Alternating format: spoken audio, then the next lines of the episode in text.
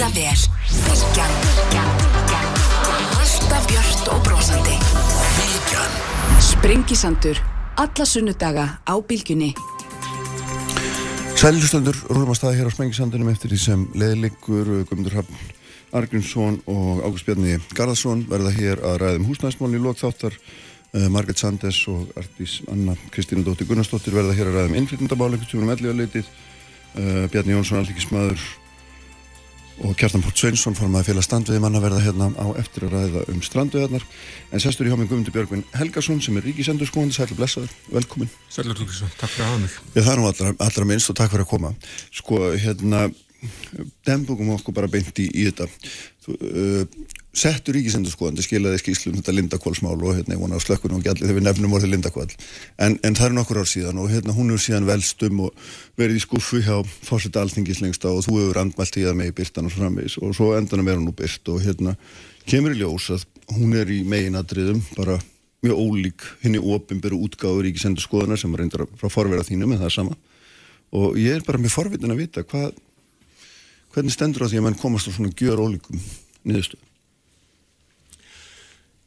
Já, það er eh, bara mjög eðlilegt að menn spurði, spyr, spyrja þessu Mm. en hins vegar held ég að þurfi nú aðeins að horfa á forsöguna. Já, og einnig bara hvers eðlis þessi greinagerð uh, Sigurðar Þórðarssonar er.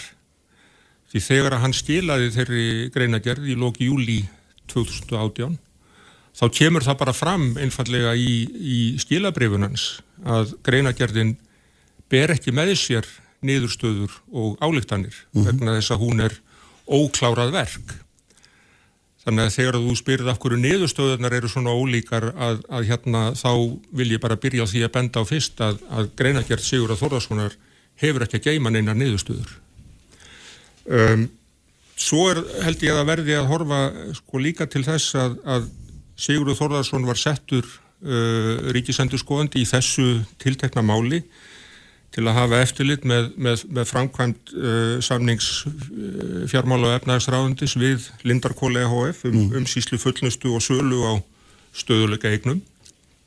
Hann var settur ríkisendur skoðandi einverðingu í þessu máli að, hafa, að fara með endurskoðun á Lindarkóli EHF og svo hafa eftirlit með þessum samningi og í engum öðrum málum.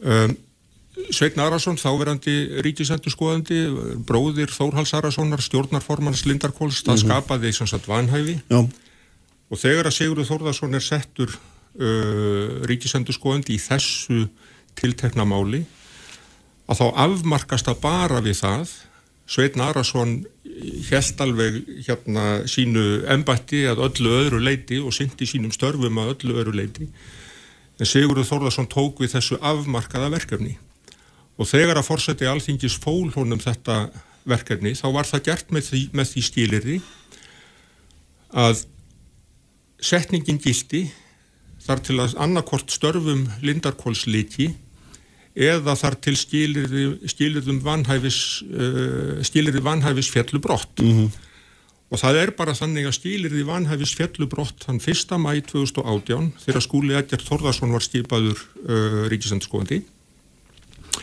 og þannig fjall, fjall uh, setning Sigur Þórðarssonar sjálfkrafa úr gildi.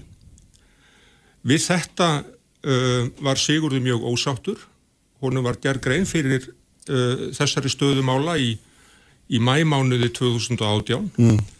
Uh, verkefni hans þá sem fyrrum settur ríkisendurskoðandi var einvörðungu að skila uh, skúlaegjart ríkisendurskoðanda uh, stöðuskíslu um hvar málinn stóðu að því að það láð þá alveg fyrir að hann hafði ekki lokið sinni vinnu. Þannig að þessi greinagerð, hún er skrifuð á þessu tímabili frá mæ 2018 til júli 2018 og allan þann tíma er Sigurður Þórðarsson ekki settur ríkisendur skoðandi í þessu máli.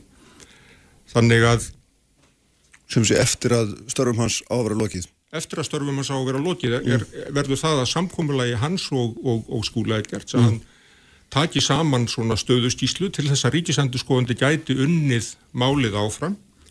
Það likur alveg fyrir að Sigurður var mjög ósáttur við þessa stöðu Já. en þetta var ekki ákvörðun skúlaðegert, þetta fólst bara einfallega í þeim skilurðum sem að, skúl, sem að Sigurður var settur eftir -hmm. og að, að setningin hans fjall sjálfkrafa úr gildi fyrsta mæ og þess vegna kemur það líka þá að því að þegar að Sigurður vinnur þessa greinagerð og klárar hana með þeim orðum að þetta sé ófullunnið verk og skilar því þannig til ríkisendurskoðanda, forseta alþingis, fjármála og efnahagsráðundi, Sælabanka Íslands og einhverja hluta vegna umbósmanns alþingis mm.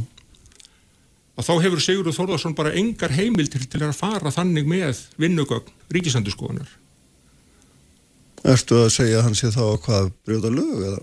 Þetta er ekki í samræmi, þetta er kvorki í samræmi við hérna lögum ríkisendurskoðanda og endurskoðan ríkisrekninga og alls ekki í samræmi við málsmöðferðarreglur uh, ennbættisins þegar kemur að úttektum í vinslu. Og an, það eru bara fjölmarkir annmarkar á þessu ókláraða stjali sigurðar. Uh, vinnunni var einfallega ekki lokið og kannski ekki síst það sem mikilvægast er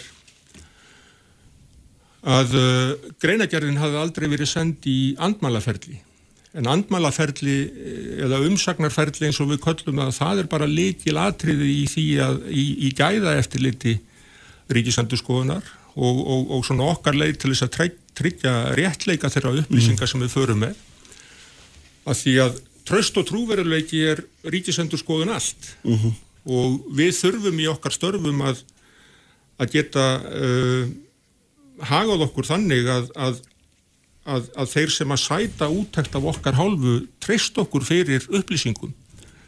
Þá jafnvel trúnar upplýsingum sem er eiga að fara lengt lögum samkvæmt. Mm -hmm. við vinnum þá úr því og, og, og komumst að okkar niðurstöðum draugum okkar áleiktarnir og komum með okkar ábendingar. En, en, en, en þessi málsmeðferð er í rauninni rofin með byrtingu greinagerðarinnar mm -hmm hún er ekki nýtt gagn í höndum uh, ríkisendurskoðunar uh, þó hún sé fyrst að byrtast almenningi með þessum hætti núna á dögunum. Ríkisendurskoðun hefur haft þetta gagn uh, til hliðsónar allt frá því það var lagt fram í lóki júlímánaðar 2018. Í þessu er þar alveg engar nýjar upplýsingar fyrir ríkisendurskoðun. Mm -hmm. Og partur af þeirri vinnu sem var unnin í kjölfar þess að hún var lögð fram til ríkisendurskoðunar að það var að ganga í, úr skugga um hvort að uh, svona þær uh, hvort að svona uh, þær hugmyndir og jáfnveil dilgjur sem að Sigurður setur fram í greinagerðinni ættu við einhver styðjast. Uh, það kom í ljós í þessu vinsluferli hjá Ríkisandurskoðun að það var ekki á þessari greinagerð byggjandi.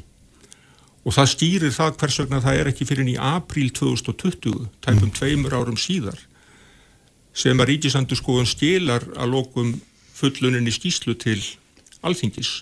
Það er, það er svo skýsla sem að hefur sem er leið fyrir sem fullunin afur Já, já, þannig að þú ert að segja með öðrum orðum að þessi skýsla sem að greina gerð sem Sigurður leggur fram og, og margir hafa hérna, beðið ofan eftir að sjá og telja núna að margi einhver þáttaskil hún sé raun og verið marklöst plagg Já, hún markar, hún markar bara nákvæmlega engin hérna... Þetta er bara ítlaunin skísla.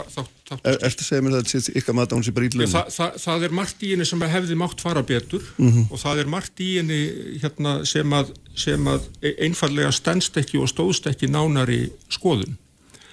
Uh, ég vil taka það alveg sérstaklega fram að því að ég tel uh, og hef látið hafa eftir mér ofinberlega, ég tel framgöngu sigurðar í þessum máli sæta mikill í förðu Uh, ég tel hana ekki í samræmi við hans starfstildur sem settur ríkisendurskóðandi mm.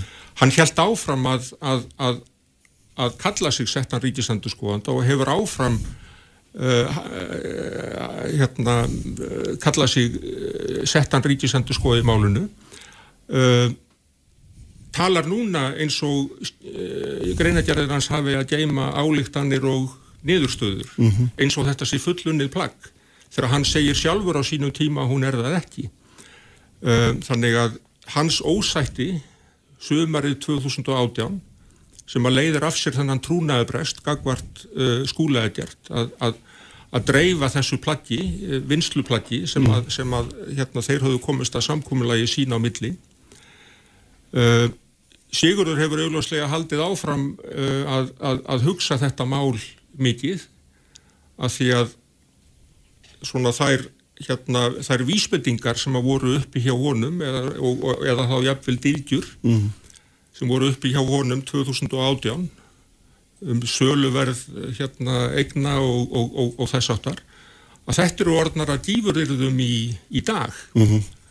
Og ég verði að segja ennfremur að, að, að, að hérna það, það sætir sérstaklega fyrir hvað mig varðar.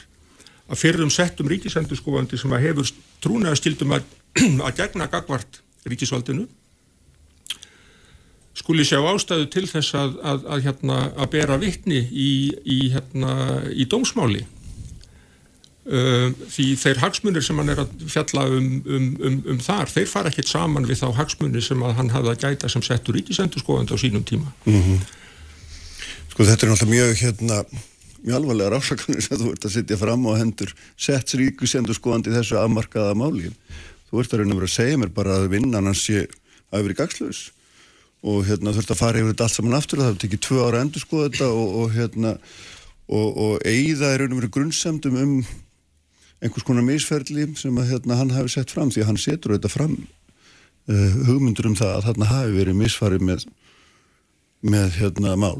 Uh, hérna eignir hafi verið seldar á undirverði og, og þetta stjórnfyrirkomulæð á Lindarkóli sjálfum með þessum hérna, lögmanni sem var allt í kringum borðið, var hérna, starfsmæður og, og, og sérfræðingur og, og viðsæmjandi og guðum að vita hvað ekki að þetta allt saman verið er, er því bara sem svo þeirra skoðunar þarna hafi bara allt verið eins og best var að kosið.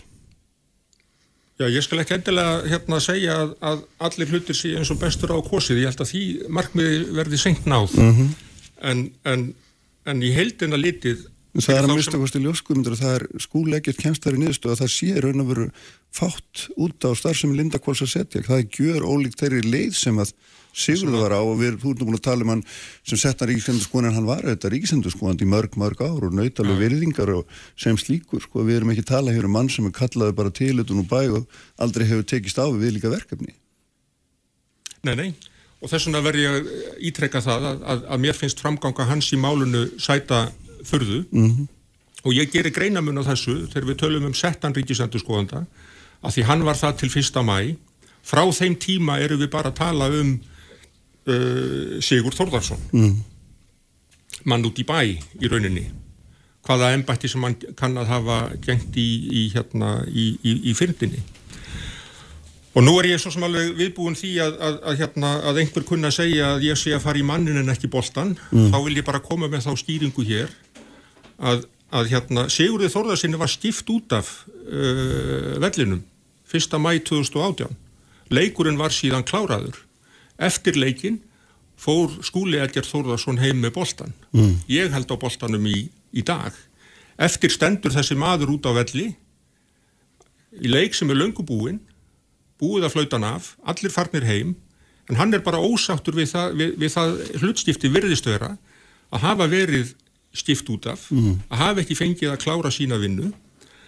Og nú kann það vel að vera og ég hef, ég hef rætt þetta ítrekkað uh, við uh, alþingi meðal annars innan stjórnstýpur og eftirlýsnendar ég hef hvart til þess að að þingi setjist nú neyður með sjálfu sér og, og, og hugleiði það hvernig svona hvernig svona mál ættum sem best að ganga fyrir sig þegar að vanhæfi skapast, þegar að ástæðir til að setja eh, settan ríkisendurskóðanda í eitthvað til, tiltekið mál. Er, er þá best að halda þannig á málum að sá aðili klári alltaf sína vinnu til þess að, til þess að vinnan fari þá ekki til spillis? Mm -hmm því að það hefði hugsanlega verið einn leið sem að menn þó vildu ekki fara 2018, þá er ég að tala um alþingi, ekki skúlaðegjart. Mm -hmm. Þetta var bara, þetta fólst í setningarbrefi Sigurðar. Uh, en, en þetta eru hlutir sem að menn þurfa að, að, að, að hérna, huglega því að það, það er deginum ljósara út frá því hvernig þetta lindarkólsmál hefur þróast. Þar sem að einn ríkisendurskoðandi var í rauninni í þeirri stöðu að byggja á, á, á, á vinnu annars og, og og málið vannst sem sagt sko hérna áfram með þeim hætti sem raun bar vittni og þegar að andmælum Lindarkóls, stjórnar Lindarkóls kom mm. eitthvað sem að Sigurður Þórðarsson tækifæri sem að Sigurður Þórðarsson gaf þeim aldrei að þá kom bara í ljós að, að, að hérna, málið var allt öðru vísi heldur en Sigurður hafði lagt upp með mm. En nú lýsir hann í sinni grein að gera samskiptum sínum við meðal hans Lindakól og lýsir því hvað svo treglega honum gengur að afla upplýsinga um tiltekin aðriði það sé hérna, allt tafið og þæft og, og, og jábel gerði sérstakar aðtúar semdur við það af hverju hann sé að spurja einhverju tilteknu. Og þetta út af fyrir sig einhvern veginn veku nú líka förðu verði að segja.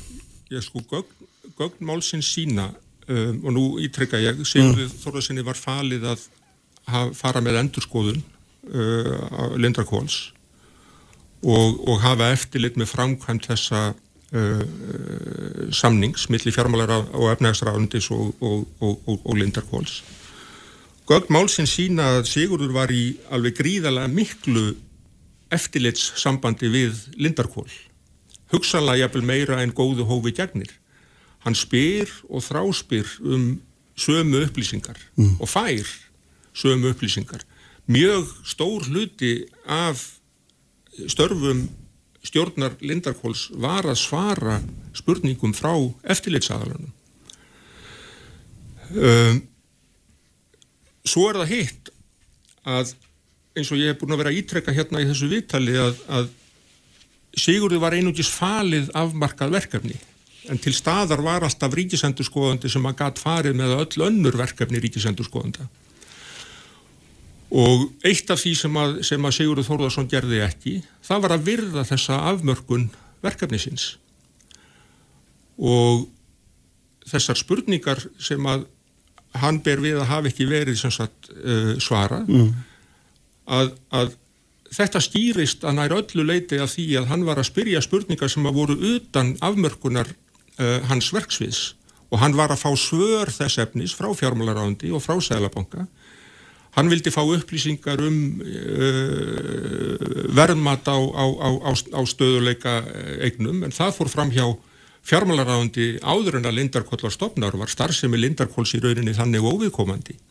Hann vildi fá upplýsingar frá Sælabankanum varandi samskipti við slitabúum allir sem var líka Lindarkóli í sjálfu sér óviðkomandi. Þannig að það er ekki nema von í sjálfu sér að, að þetta hafi farið uh, með, þessum, með þessum hætti. Mm. Það er semst á þessum forsendum raun og veru sem að þú núna síðast og, og ennbættið í sjálfu sér leggst indri í gegn því margra ára skeið að þessi greinagerð verði gerð og opinberð með nokkur um hætti. Já, það er ekki út af nokkus konar leindarhyggju uh, af okkar halvu. Við, við erum búin að fara ríkisandurskoðun mm -hmm. yfir uh, þessa starfsemi og höfum skila lokastíslu til uh, alþingis En það er nú bara einu sinni þannig í þessari vinnu eins og ég hef verið að áreita. Það er mikilvægt að hún sé kláruð. Það er mikilvægt að þeir sem að eru til skoðunar af okkar hálfu uh, fái tækifari til þess að veita uh, í það minnsta sko umsögn hann að það sé að tryggja tilhýrlegt gæða eftirlit. Engar stíslur frá okkur fara til alþingis fyrir að þær hafa verið gæðarindar uh, innan hús og að því leiti sem að þetta mál einhvern veginn hefur verið látið líta út eins og þetta snúust um sko rétt almennings til upplýsinga þá vil ég segja fyrir mitt leiti uh, ég stið það markmið, ég hef reynd síðan að ég tók við ennbætti að vera mjög uh, gagsær og ínáanlegur um, um alla hluti sem að snúa að mínu uh, ennbætti en við verðum að geta gert greinarmun á, á, á upplýsingum og, og, og upplýsinga óreiðu og falsfrettum og þess aftur. Við búum bara í þannig mm -hmm. umhverfi í, í, í, í dag og það er ekki, það, það get ekki verið hagsmunir almennings á endanum að rángar upplýsingar séu í umferð, að ógæðarindar upplýsingar séu í umferð. Það hefur verið reynd að stilla þessari greinagerð Sigur að Þórðarsson voru upp sem einhvers konar mótvægi eða ansvari við lokaskíslu ríkisendurskoðunar og það bara á alls ekkert við.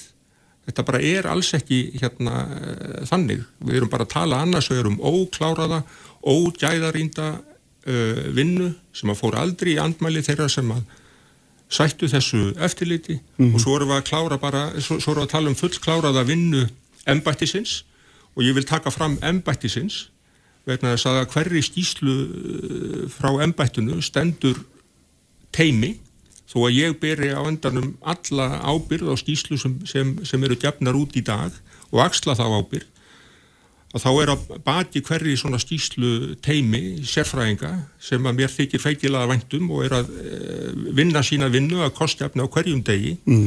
og allan daginn, alla daga skal ég koma því fólki til varnar þegar starfsegri þess er vegið.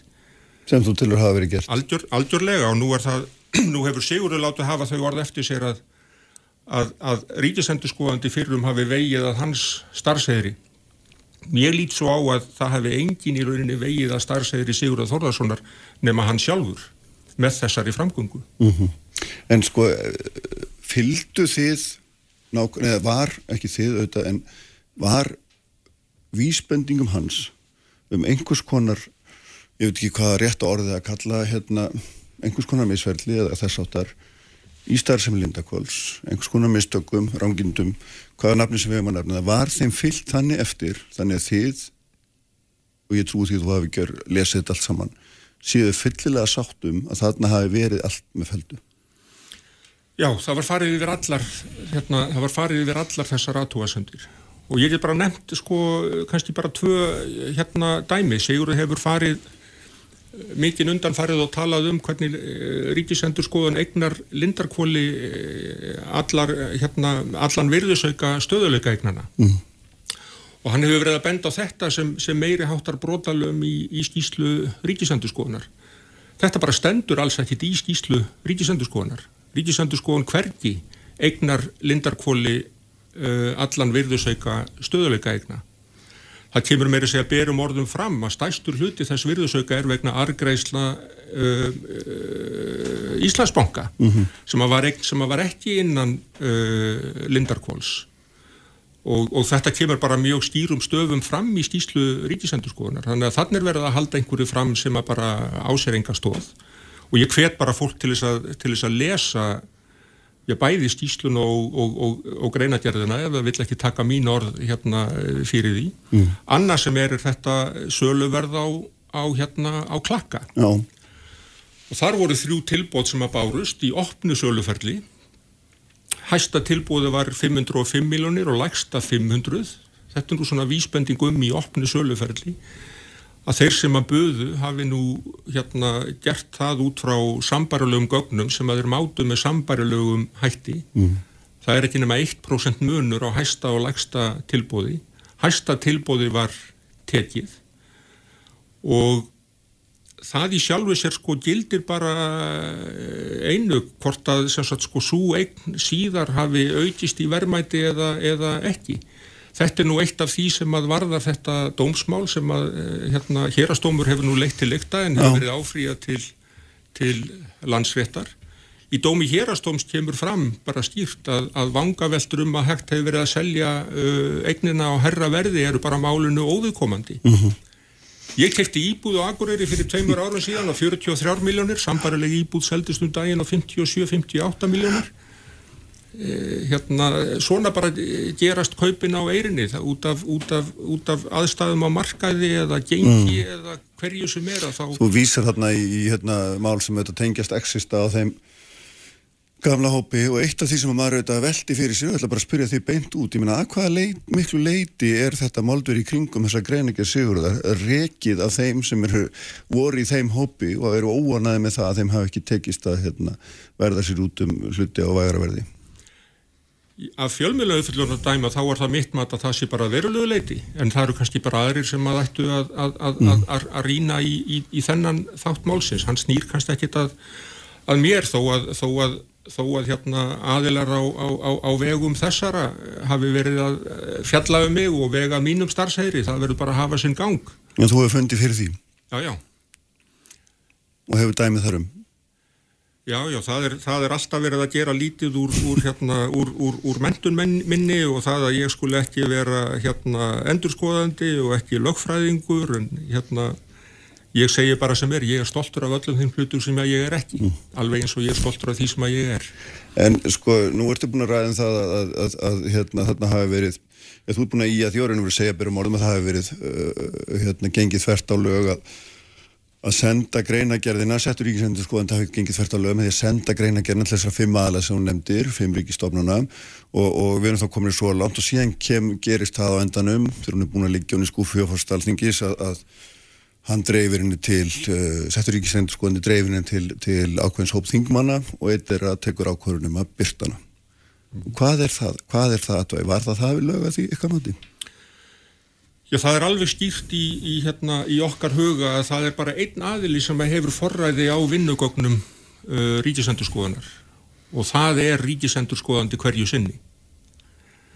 Og uh, við lögðum stegn uh, byrtingu þessara greinlegjara af ástæðan sem ég hef svo sem þegar hérna farið yfir. Mm -hmm. það verð ekki út af uh, lendarhyggju heldur bara til þess að tryggja sko réttleika upplýsinga og sangjarnir og eðlilegri uh, málsmeðferð gagvart þeim sem að hérna eh, eftirliti eh, stofnulegunar sæta þannig að það er alveg klárt í, í, í, í mínum, mínum huga að, að, að, að bæði dreifing og byrting greinagerunar stannst ekki uh, lög um ríkisendurskoðanda og endurskoðun ríkisreikninga og það er í rauninni einu lögin sem skipta máli mm -hmm. í þessu sambandi, ekki mhm. upplýsingalög Það eru bara lögum ríkisendurskoðanda og endurskoðun ríkisreikningar sem stífta máli hvað þetta varðar. Bara vinnugögn okkar eiga ekki erindi út úr húsi.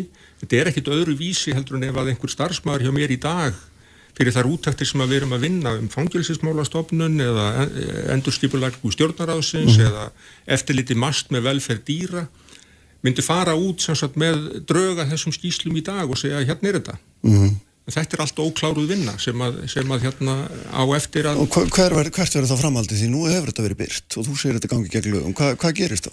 Já það er það held ég þingsins að, að hérna að fjalla um... Men þú óska eftir því að við komum til þingmaði verði eitthvað með einn, ég, ég veit ekki hvað, ég kann ekki að nefna ne, hvað ég, þetta vera. Ég, ég á mín samskipti við uh, stjórnskipunar og, og, og, og eftirleitsnefnd og sjálfsögðu forsættisnefnd og forsætti alþingis mm. og uh, þrátt fyrir að, að hérna að þessi greinagjart hafi nú verið, uh, nú verið byrt að, að, að þá stendur það alveg eftir að, að afstafa embættisins ríkisandurskonar er óbreytt. Þetta er ekki eitthvað sem er þá bara búið og gert og þá skulum við endilega sko fjalla um hérna hið ófulluna verk. Uh, þetta er einhvað sem að þarf að... Þannig að þú ert að segja mér að þingmanni verði kærður, er það ekki? Erst ekki að segja það?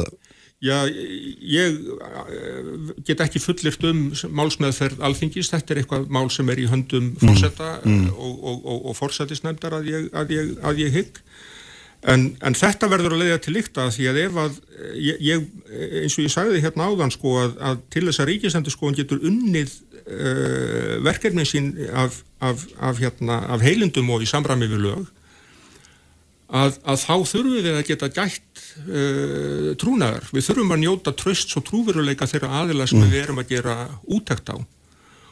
Við getum ekki bóðið þeim upp á að, að, að það sé bara í lægi að ófullunum gögnum sé í rauninni sko lekið út úr ennbættinu og þar að leiðandi séu þau bara tæk til umfullunar allra. Mm.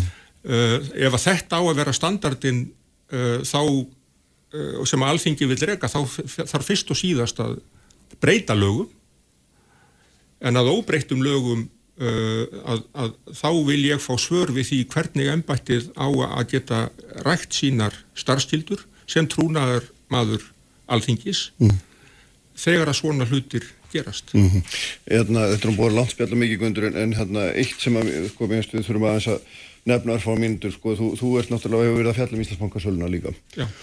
Og, hérna, og, og þú ert, uh, þið eru að vinna svo kallar eftir fylgningsskíslu þar að segja þá er þið að fylgjast með því hvort það er ábendingar og ártingar sem þið sendu í fyrirskíslíkar þeim hafi verið fyllt og mér skilst að þú hafi rátt að fá einhver svör við því núna 12. þessa mánadar uh, og, og nú langar mér bara að forveitnast hvað, hvað líkur þetta mál? Ertu búin að fá þau svör sem þú vildir eða hvernig? Já, þessi, þessi eftirfylgning sem ég er að tala um er, er eitthvað sem við höfum verið að kynna fyrir, uh, fyrir að ráðast í eftirfylgni með stíslum okkar mun fyrr, við höfum alltaf verið að gera þetta þremur árum liðnum en bara í nútímanum eins og kaupin gerast á eirinni mm. Eh, hraðar breytingar og þess áttar að ég tel á svona ástæði til þess að klukka hérna þá aðila sem að við eh, höfum beint ábendingum og, og, og hérna og niðurstöfum til miklu fyrr fjóra til sex mánada hérna jafnvel, bara mm. til þess að sjá svona hvar þetta stendur og hvort að hlutinir séu ekki örugla í sínum rétt að farvegi þessi eftirfylgni er í rauninni þess eðlis með Íslandsmokkanstýslunum sem kom út í uh, november í, í, í, í fyrra já, ykkar, já, já, og, og hérna þetta er ekki vinna sem ég gerir áfyrir að, að, að, að endi í skýslu þó að þetta muni enda í niðurstöðum sem við munum kundjöra ofinberlega þegar það að kemur. Ég fekk þau svör sem að ég baðum frá fjármálaræðundi hérna 12. þessa mánadar. Uh, ég hef átt síðan fund með fjármálaræðundinu og, og bóðað að ég muni hafa fleiri mm. spurningar fyrir þá að, að, hérna, að, að svara. Og þannig að það mál er í sjálfu sér bara í sínu eðlulega ferli. Um, annað sem er og út frá því sem ég verið að tala um áðan að við eh, ríkisendur skoðun almennt talar ekki um útæktir meðan að það er í vinslu, það er vegna þess að það er aftur út af þessu mikilvæg trösts og trúnarsambandi sem að uh, við teljum eðlulegt að sé á milli okkar sem útæktar aðala og, og, og, og þeirra sem útæktum sæta mm -hmm. Já Mandi, hérna við komumst ekki lengra að þessu sinni allavega. Takk til að fyrir mig. Takk sem leiðis, fá þig. Og hérna við verðum að, að láta þessum hluta lokið, uh, fjöldum um strandviðar hérna eftir regnumblík Bjarni Jónsson og Kjartan Pál Sveinsson verða það hjá mér. Uppspretta frétta á Sprengisandi á bylgunni. Sæljátt lustundur, uh, Guðmundur Björgvin Helgarsson, Ríkisendurskóðandi farin frá mér eftir kraftugt samtal hér um þetta Lindakólsmál og afstöðu hans og ennbætti sinns til þessara greinagerða sem að mest hefur verið hlumraðu í, í því máli. Uh, Guðmundur Rafn Argrímsson og Ágúst Bjarni Garðarsson verða hér í lokþáttara en þá húsnæðismálinn þar verða hérna líka Ardís Anna Kristina Dóttir Gunnarsdóttir Alþingismæður og, og Margret Sandesbæ eftir úr í Reykjavínsbæ ætlum að ræða hans innflytjandamál en nú ætlum ég að fara hér í strandviðar uh, eitt af þeim málum sem hefur auðvarslega orðið að hita máli núna í, á þessum sömar mánuðum eftir að, að, að hérna, ekki fjækst ekki fjægst auka afli uh, samþyktur á hálfu matvarraðandisins uh, uh, hérna, eins og hefur nú verið gert mörgund að hann er sumur að miskilst að það hefur verið samþyktur einhver, svona, einhver auka afli þegar að vertíðin hefur verið langt komin en það hérna, félst matvarraðan ekki á að gera núna. Og hérna hjá mér er Kjartan Pál Sveinsson sem er formaður, formaður félagsstrandviði manna Sælblessaði Kjartan og velkomin. Já, þakka fyrir. Og í símanu Norrlandi Bjarni Jónsson, alþingismöður Sælblessaði Bjarni. Já, blessaði Sælblessaði Sko, hérna, ég langar að byrja að þér Bjarni, þú, þú, þú skrifaði grein sem byrtist á gær, þar sem að, hérna, er all ítaleg grein, þar sem fjallar um þróun strandveðana svona, ég veit aldrei tímabil, en, en, og orðar þetta nú allt saman mjög svona ljúflega og mildilega eins og þér er ágitlega lægi, en það er alveg augljóst að þú ert hérna mjög ósáttur við ákvörðum flokksistöðunar um að bæta ekki við abla núna í, inn, í, inn í þetta hérna, strandvegi kerfi og raunar hafi, hefur flokkurinn þinn hérna, verið þeirra skoðanar þessi. Það ætti að auka strandvegar frekar en ekki. Ég meina þú ert að kasta þarna inn já, ef maður ekki segja stríðshanska inn í þetta mál sem er þó mjög umdilt fyrir. Ég veit það nú ekki sko.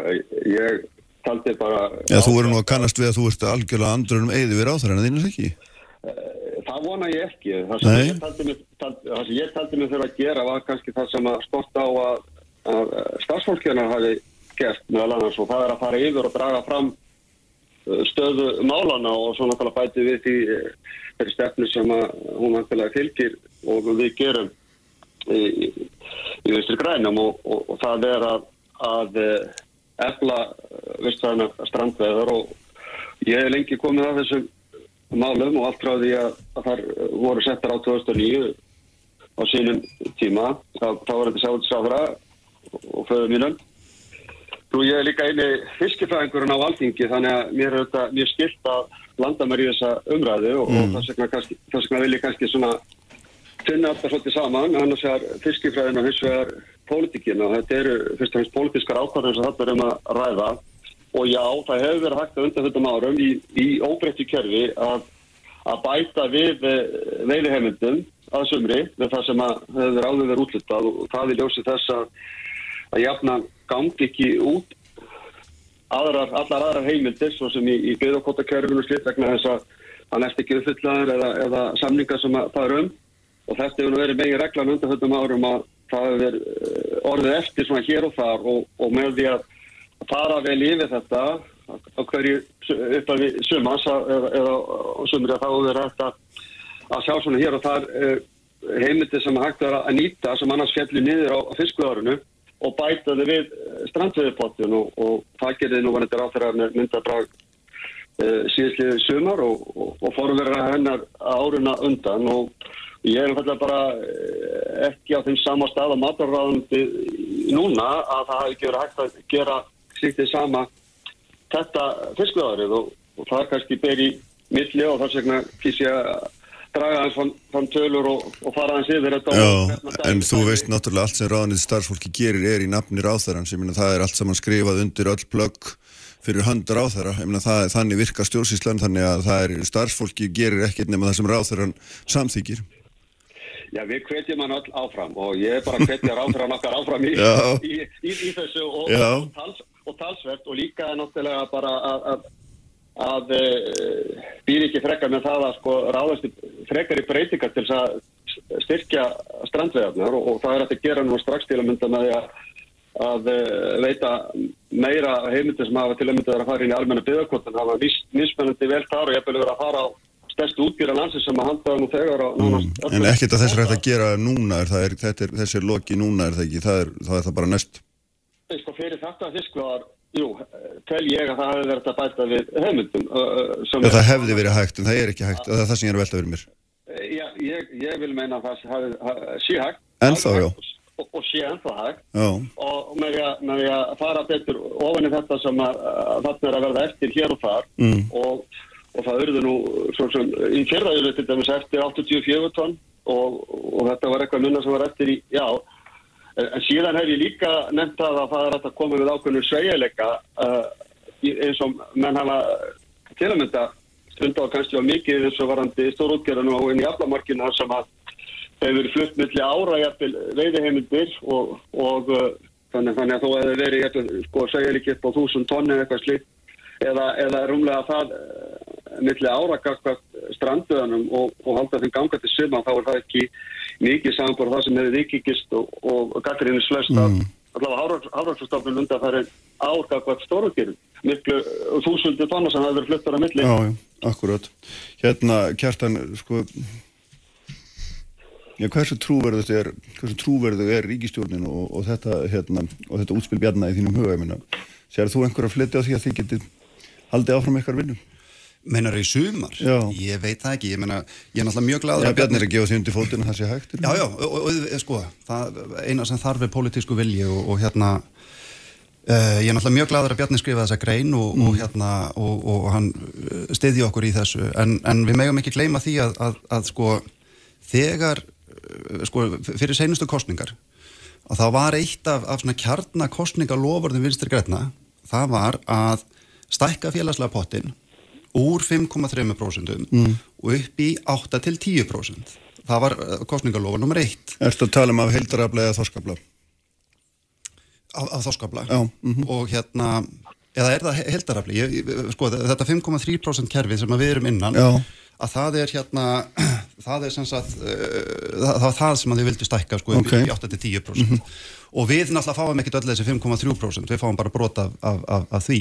En það var sko, það var lofar nummer 1 og lofar nummer 2 var að uh, st- styrkja stranduðar í sessi. Og núna er sko, sko lokin önnur vertíð, strandveði vertíð í, í ráðherra tíð Sandísar og báðar hafa verið að stöðvar í júli þannig að, og, og sko þe- þegar var stöðvað í júli fyrra, 21. júli í fyrra að það áttu við fund hjá, með strandveðifélaginu við fórum og, og, og áttum fund með henni. Og hún passaði reyndar að draga það alveg fram í miðan ágúst þannig að það var ekki hægt að bjarga þeirri vertíð en, en, en, en hún, hún átti samt fund með okkur. Og það er bara, það, það lofa hann öllu fögru og sagði að við myndum vinna ve- veturinn í samvinnu og, og, og allt svoleiðis og, og, og svo bara heyrum við ekki múk og, og, og jafnvel bara ekki svara tölvupóstum og þannig að við, nei, við, við, við höfum eiginlega svolítið mistrúna á, á, á þessum, á, á matvælaráðuneytinu sko og, og þeirra vinnu. Og það að, að, að þetta sé fyrsta sumari það sem engu er bætt í pottin, það sem hún hafði allan veturinn til þess að leggja eitthvað til hliðar, jafnvel þótt hún vildi gera það svona bara á síðustu stundu og, og, og hérna, gera það í júli og segja við, við erum hérna með 1000 eða 2000 tonn hún hafði allan veturinn til að skipilegja þetta og það var pólitist val að gera það ekki. Bjarni, þetta er hérna, þín flokksistir, þinn flokkur, þið ráðu þessu hérna, málflokki og við þekkjum það að völd ráð þeirra í einstökum málflokkum eru mjög skýr í stjórnaröðinu og hérna, þeir geta farið sínu fram mjög kraftulega þannig að þarna, þarna er verið að ganga þvert á, þvert á það sem að þið standi fyrir. Ég er kannski að segja það að það megi ganga Eh, hérna eh, að meira ákveðinni fram í þeim breytingu sem við höfum talað fyrir og, og ég vil líka minna á það að ég e, talaði fyrir og laði fram á síðustliði höst í, í rafni okkar kingmanna e, visti grætna sem að einmitt fólk það ísir að, að gerðir breytingar á, á e, fiskutöfnulkerni þannig að stakka í áfengum félagslega hluta þess úr 8 kom þrjúborist að höndarafla í, í 8 í 5,3% þess að þetta er í dag. Og líka sko, vil ég sjá og við viljum sjá að það verður endur skoðað hvernig það er með þetta á milli og innan kervisins og, uh, og hlutir hvað svo einn startar. Annars verður við að tala um hlutir sem að þarta slagabreitinga hins verður við að tala um hlutir sem að þarta ekki en, en reglingarabreitinga og það verður meðalans líka að, að ítrekka núna í, í mínum skrifum að það verður hægt að fara í það núna strax í sumar og höst að uh, veita einhver af, uh, segjum þeim beðurkvota sem hefur ekki verið að nýtast vel eða að fara á stórútgerðina yfir í uh, drandvölda fyrir næsta tímabil. Þannig að sem ekki býða bóðana með þær aðgerður og ég var alltaf bara að treysta því að trúa að við munum fylgja þessu vel eftir. Ég er með sannlega fyrir mitt leiti gera allt sem ég get í, í þeim efnum og, og enda hefur það verið okkar stefna þar sem við höfum talað fyrir hingað til. Já, en, en það er alveg auglust að þú ert líka gaggrína ráðan deila bara nákvæmlega fyrir það sama og kjartan er að gera það er að segja að vinn ekki vinna sín í vettur og þú með þess að gengur svo langt að segja hérna að ráðansmenni það sé bara loka þessi allir farin í sumafrí og það sé engin í vinnu. Ég held að sé bara gott að koma með, með kvartningu til allra að, að bara, bara leggja sér enn meira fram í þessum efnum og það er ég að gera og, og ég er óþólum með það eins og þú last og heyris. Já, já, ég heyri það. Þú hérna vill láta gera skjótar breytingar. Já, já, og mér fannst þetta kannski ekki alveg sko eins og núna ég taldi að það hefði verið að gera betur mér fannst til dæmis ömlegt að með þess að einhverjum ástæð vera og fórstur hafnarskustofnun að vera af hvaða hverja völdi var, var, var mættir í viðtala að hræða fólk á, því að kvótakjöru var í uppnámi og, og, og 20% aflareglan og að hlýtt uh, sko með því að, að mann veldi fyrir sig hvort að verða að uh, bæta við nokkur hundru tónnum eða þúsund tónnum eða segjum 2000 í í hérna strandu þetta í sumar en, en ég hef ekki heyrst mú frá sömu stofnun að sanna fólki yfir, yfir flutningi þúsundar tonna með fyrsta ára hjá stórútgerðinu mm, og, og, og það mist alltaf ástæð til að benda á, á slíkt. Þannig að það er ekki byrðis kvartning í svoleiðis. Nei, nei, kjartan. Já, þetta, þetta er svolítið góða punktu ég að bjarna þannig með, með af hverju haf, hérna, fórstjóri Hafrárnarsstofnunar kom og, og fóru viðtal hjá, hjá RÚF vegna þess að þetta mál kemur Hafró ekkit við og þetta mál kemur Fiskistofu ekkit við. Við erum að, við erum að tala um að, að það sé matvælaráðunitið, sko Hafró kemur bara með sína uh, ráðgjöf og svo er það matvælaráðunitiðsins að, að skipta því upp eftir, eftir útgerðarflokkum og, og, og, og, og allt svoleiðis Ég veit ekki hver það var sem að sendi fórstjóra Havró í viðtal þarna, sko. Af hverju var það ekki matvælaræðunitið sem, sem að kom og svaraði fyrir sín vinnubröð sjálf? Það er mjög lúalegt að, að, að senda einhvern annan sem, að, sem er málinu algjörlega óviðkomandi til, til að svara þessu.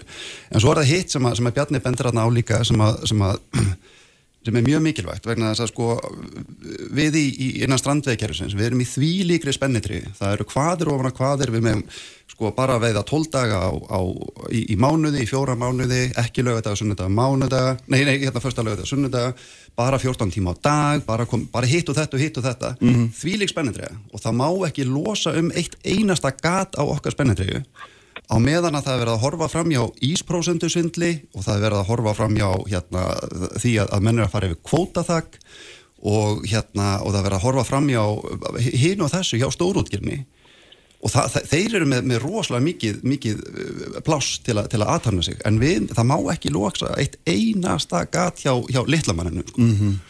En er ekki starrinn svo að hérna, að það er viða pottu broti nefnir til dæmis hvernig menn hérna, skrifa eignarhald og svoleiðis og, og, og, og nýta sér einmitt gloppur í eitthvað kerfi líka? Jú, jú, og, við, við, og það, það var nú eitt af því sem við, við eh, töluðum um með ráð þeirra senasta sumar, það þarf að, að taka á því öllu. Mm. Við viljum ekkert hafa það svoleiðis og hérna, og það þarf ymmit með eignarhaldið að, að, að það er eitthvað sem er mjög mikilvægt að horfa á. En eftir stendur að við erum bara, við erum sko þessi, þessi pottu sem við fáum útlutað er hungurlús, ekkert annað er hungurlús, við erum með 0,88% af heldarkvóta innan íslenskar uh, fiskveiði lögsögu mm -hmm. 0,88% þannig að þeir sem að er að, er að, er að, er að sko væla eins og stungnir grísir yfir því að við fáum eitthvað meira ráða yfir 99,12% af pottinum þannig að þetta er náttúrulega, þetta er ekki í lægi sko. þetta er mm. alveg þetta er alveg, alveg húrandi En þú veist náttúrulega að þeir sem að þekkja best til í þessu meðan að samtök fyrirtæki sérótu halda því þetta fram að hlutur ykkar eða hlutur, hvað maður segja strandveið að hafa náttúrulega verilega aukist og það er náttúrulega hérna, það er alveg tölur til sem sína það líka sko, það er verið að flækja þessu fram og tilbaka og við, hérna, hver velur sitt viðmið og svo framvegi sko. Já, já, það er alveg rétt en, en, en, en það er alveg sama hvaða, hvaða alveg sama, sama mm. hvaða, hvaða, hvernig maður skoðar, ef maður skoðar bara þoskinn eða, eða og, og, og ég, ég sé ekki af hverju að maður ætti að velja eina sérstakar tegund, ég menn við meðum líka velja, veiða sagt, karfa og, og hérna og öfsa en, en, en, en stórútgerinn sem að við erum í rauninni samgefni um þennan pott við að þeir geta hlaupið til og veitt loðun og hitt og þetta og hitt og þetta mm. Þannig að ég, ég, mér finnst það sko, fulla ástæða til að, til að skoða sko, hildar, hildapottin og, og okkar hlutild af honum Já, Bjarni, það er auðvitað ljóst að, hérna, að bæða þinni pólitík og líka bara í þínu kjördæmi þá er þetta hérna, strandveðna mjög mikilvægur og þú talar einmitt um þetta sé mikil byggða festa og það rýmar svo smákilega við stefnu þínsflokks en En ég meina það er bara alveg greinlegt að hérna pólitíkin í þessu, hún er bara ekki á þeirri leið sem að þú helst vildir. Ég skal ekki segja um það, en ég, ég tek undir það sem að, með því sem að kjartan saði hér á þann og gafkvæmt eh, einmitt eh, stórútgjörun og samtök hennar og, og hvernig þau, eh, þau olmast öllu áhrif sem þau hafa til þess að reyna að, að drepa allt annað af sér, svo horfum við upp á áframaldandi eh, hraðilega samtjöpun veiðheimilda á sama tíma og það er eitthvað sem þarf að taka á líka og hann er náttúrulega einlega til þess að aðeins að, að hjálpa til að taka til í tí og þetta er sára nekkar heimildir. Hér voru aðrið sem að, að, að kæftan endi sem var andið bara umgjörðunum veiðarna og fyrir sjáanleika og stíl sem við verðum að fara að koma í ennþáttar horf og var andið eignarhaldið og það hafa um, hans samtök og þeirra samtök verða að tala um. Og það er auðvitað í höndum aðdóraðans að laga það umgjört. Og uh, það er kallað eftir því lengi og ég nefnir það meðlega í grein sem ég skrifaði þannig að, að það verður sem allra best og uh, ég held að það sé bara lag og, og góð samstafa um að, að ná fram breytingu frátt fyrir þessar stumbu grísi sem hefur voru nefndir áðan. Og uh, uh, sem að stundu fari hann gýri eftir að partunda því að sjóminn á, á þeirra, þeirra skipum Eh, hafi hæri launin lækna þar að svo bör undir og hérna þá eru hagsturunir aðrir. Og ég held og ég vil bara líka hæla samtöngum eh, sjómana og standu sjómana og, og, og hérna og, og LS bara fyrir hvað er af að haldi málefnilega á þessar umræðu og til og mynda mótmann sem voru á Östufelli núna fyrir skemstu og sem ég mætti á og mér fannst þetta fyrirmynda hvað, voru, hvað þetta var málefnilegt og vel gert hjá og, og maður finnir að þjóðin er að grýpa þetta og stendur mm. með þessum fjölskyldu sem þarna er að netta máli. Já, en nú er alveg ljóst að þetta hérna, það hefur fjölgað mjög í hópi stranduðimanna, er það ekki? Ekki mjög. Eitthvað Já. og það er náttúrulega kemur einfallega bara minna til, verður bara minna til skiptana og ég minna það bara segir sér alltaf óanægðan hlýtur að það vera að hluta því að menn bara fá ekki nóg í sinn hlut af því að, að þetta er auðvitað opið kerfi hver sem er getur í raun og veru bara keft sér bát með eða minn er það ekki og svona því gefnum hafi réttin til að fara á sjó og, hérna, og, og stundað stundað sínu veið, ég meina þú ert ekki sjómaður upplegið, þú hérna, kemur allt annar staða frá. Já, já, já, já, já það, sko, það, þetta er og það er alveg rétt en, en það hefur ekki verið gríðalaukning þetta, þetta hefur verið eitthvað starf á bilinu 650 til 750 bátar í þessu.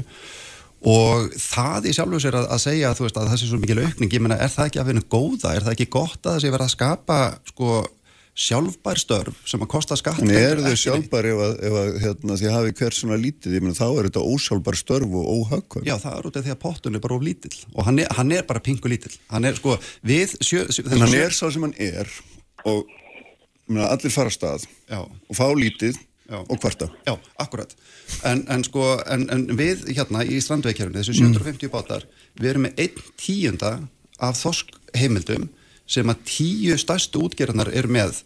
Þannig að þú veist, við, erum með, með 10% af því sem að, tíu stærstu. Þannig að þetta er, þetta er pingulítill pottur, alveg sama hvað, hvað hérna, SFS segja og alveg sama hvað, hvað matvælaráðara segir. Þetta er hungurlús sem okkur er, okkur er útlutuð og taktikinn ennáttúrulega svo að gera kerfið eins erfitt og, og, og leiðinlegt og hægt er til þess að við bara hættum að nenni þessu og bóla okkur út. Mm.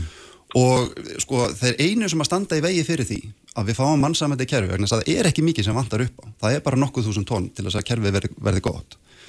Og þeir einu sem að Það því standa gefna þá kom ekki bara aðri 750 bátar um leið og nokkuð tónn bætast við. Já, ég held að það sé ekki eins og til þannig að það er margi bátar Nei, en- nei, og, en- eða, fólk, já, já, já, já það, það, þetta eru, þetta eru raukin en, en, en það, ég held að það verður bara fínt að, að, að, að fá meiri sjálfbæra atvinnu út á landi. En þeir sem að standa vegi fyrir þessu, eða væri ekki fyrir SFS og stórútgerna, að þá væri þetta lagað bara með einu pennastriki á núleitni og við verðum aðeins aðtuga það af hverju það er sem að þeir hata okkur svona gjössamna eins og pestina. Og það er vegna þess að, að, að þeir, þau eru búin að vera sko samningurinn við þjóðina hjá, frá, frá þeirra sjónarhóttni var alltaf svo að þau sjáum að, að, hérna, að, að sjá, íslensku sjávarútu þessu arðbær og hagkvamur en fá þá að vera, þú veist, svolítið bastarðar á móti, skilju, og það er bara það, það er bara dýllin, þú veist, ef, ef að það þarf að leggja einhver, einhver nokkur sjávarplási í rúst og, og, og, og, og skrapa nokkur mm. kóralif að þá er það bara dýllin, það sem við höfum verið að sína frá 2008 er að það þarf ekki að vera svolítið, við erum hagkvæm. nú, nú er hérna enginn til að svara þessari frjálslugu kenninguðinu um hérna hvernig þetta var að vera allt saman. Nei, en, en, en ég má bara bæta eins og kjartan nefnir sko, með, með nokkur þúsund tonna viðbót og, og meiri fyrirsjálfokki í þeim nefnum að þá er allt önnu stafað uppi og líka bara fyrir aðkomu þeirra fjölskyldna sem að En nú hafið þið setið í ráðuneytinu hérna dágóða stundbjarni og, og, og það bólar ekkit á öllum þessum breytingum sem þú vorst að tala um í greinni, reglugerðarbreytingum, eftirliti, uh, auknum kóta og svo framvegis. En Það bara bólar ekkit á þessu og ég endur þetta bara sem spurningu, ég að, er, pólitíkin er bara ekkit á þessu leið, hvað ætlar að gera núna, ætlar að krefja matvælar á þannig með það en endur skoða ákvörðun sína? Ég, þú uh, varst að vitna í skrimmin hérna Já. og það er alveg skipt hvað ég vil Já. sjá En ég er að spyrja þig beint út, ætlar að byggja, ætlar að krefja matvælar á þannig um það að hún endur skoða ákvörðun sína? Ég held að ef það er tækifæri til þess að enna þá finnst mér að gera það en ég er líka kannski sérstaklega hvetið til þess að það verði hótt til þess núna strax í sömar að, að tryggja næsta ár og, og, og ráðast í, ákveðna breytingu sem hægt er að gera með reglugjörð og slík og svo þurfum við náttúrulega að, að fara í, í frekari breytingar á, á kerfinni í heild. Og ég með fylgja því eftir eins og eins og ég get uh, frá þess að sem ég sitt á alþingi. Ég sitt ekki á ráðunitinu, ég sitt á alþingi en veitir mér eins og ég mögulega get og, og eins og mínir félagar hafa gert og, og þú nefndir norðvestu kjördum ég held að við sem bara algjörlega samtaka öll það að fylgja þess eftir og, og veita ráðuránum jákvæða kvartningu í nöfnum Mm. Ljómandi, hvað sér fyrir göðum? við stórútgerðina. Já, já, og, og stuðningi að við stórútgerðina og, þá sem að standi í vegi. Já, heyrðum, bestu þakki fyrir að vera með okkur í dag, Bjarni. Og takk fyrir að koma, Kjartan. Takk fyrir mig Og við höldum áfram, við ætlum að fjalla um, fjalla um hérna um innflytjandamál, Margrét Sanders og, og Artís Anna Kristína Dóttir Gunnarsdóttir verða hérna eftir augnablik. Sprengisandur. Alla sunnudaga á bylgjunni. Sprengisandur. Á bylgjunni alla sunnudasmórna.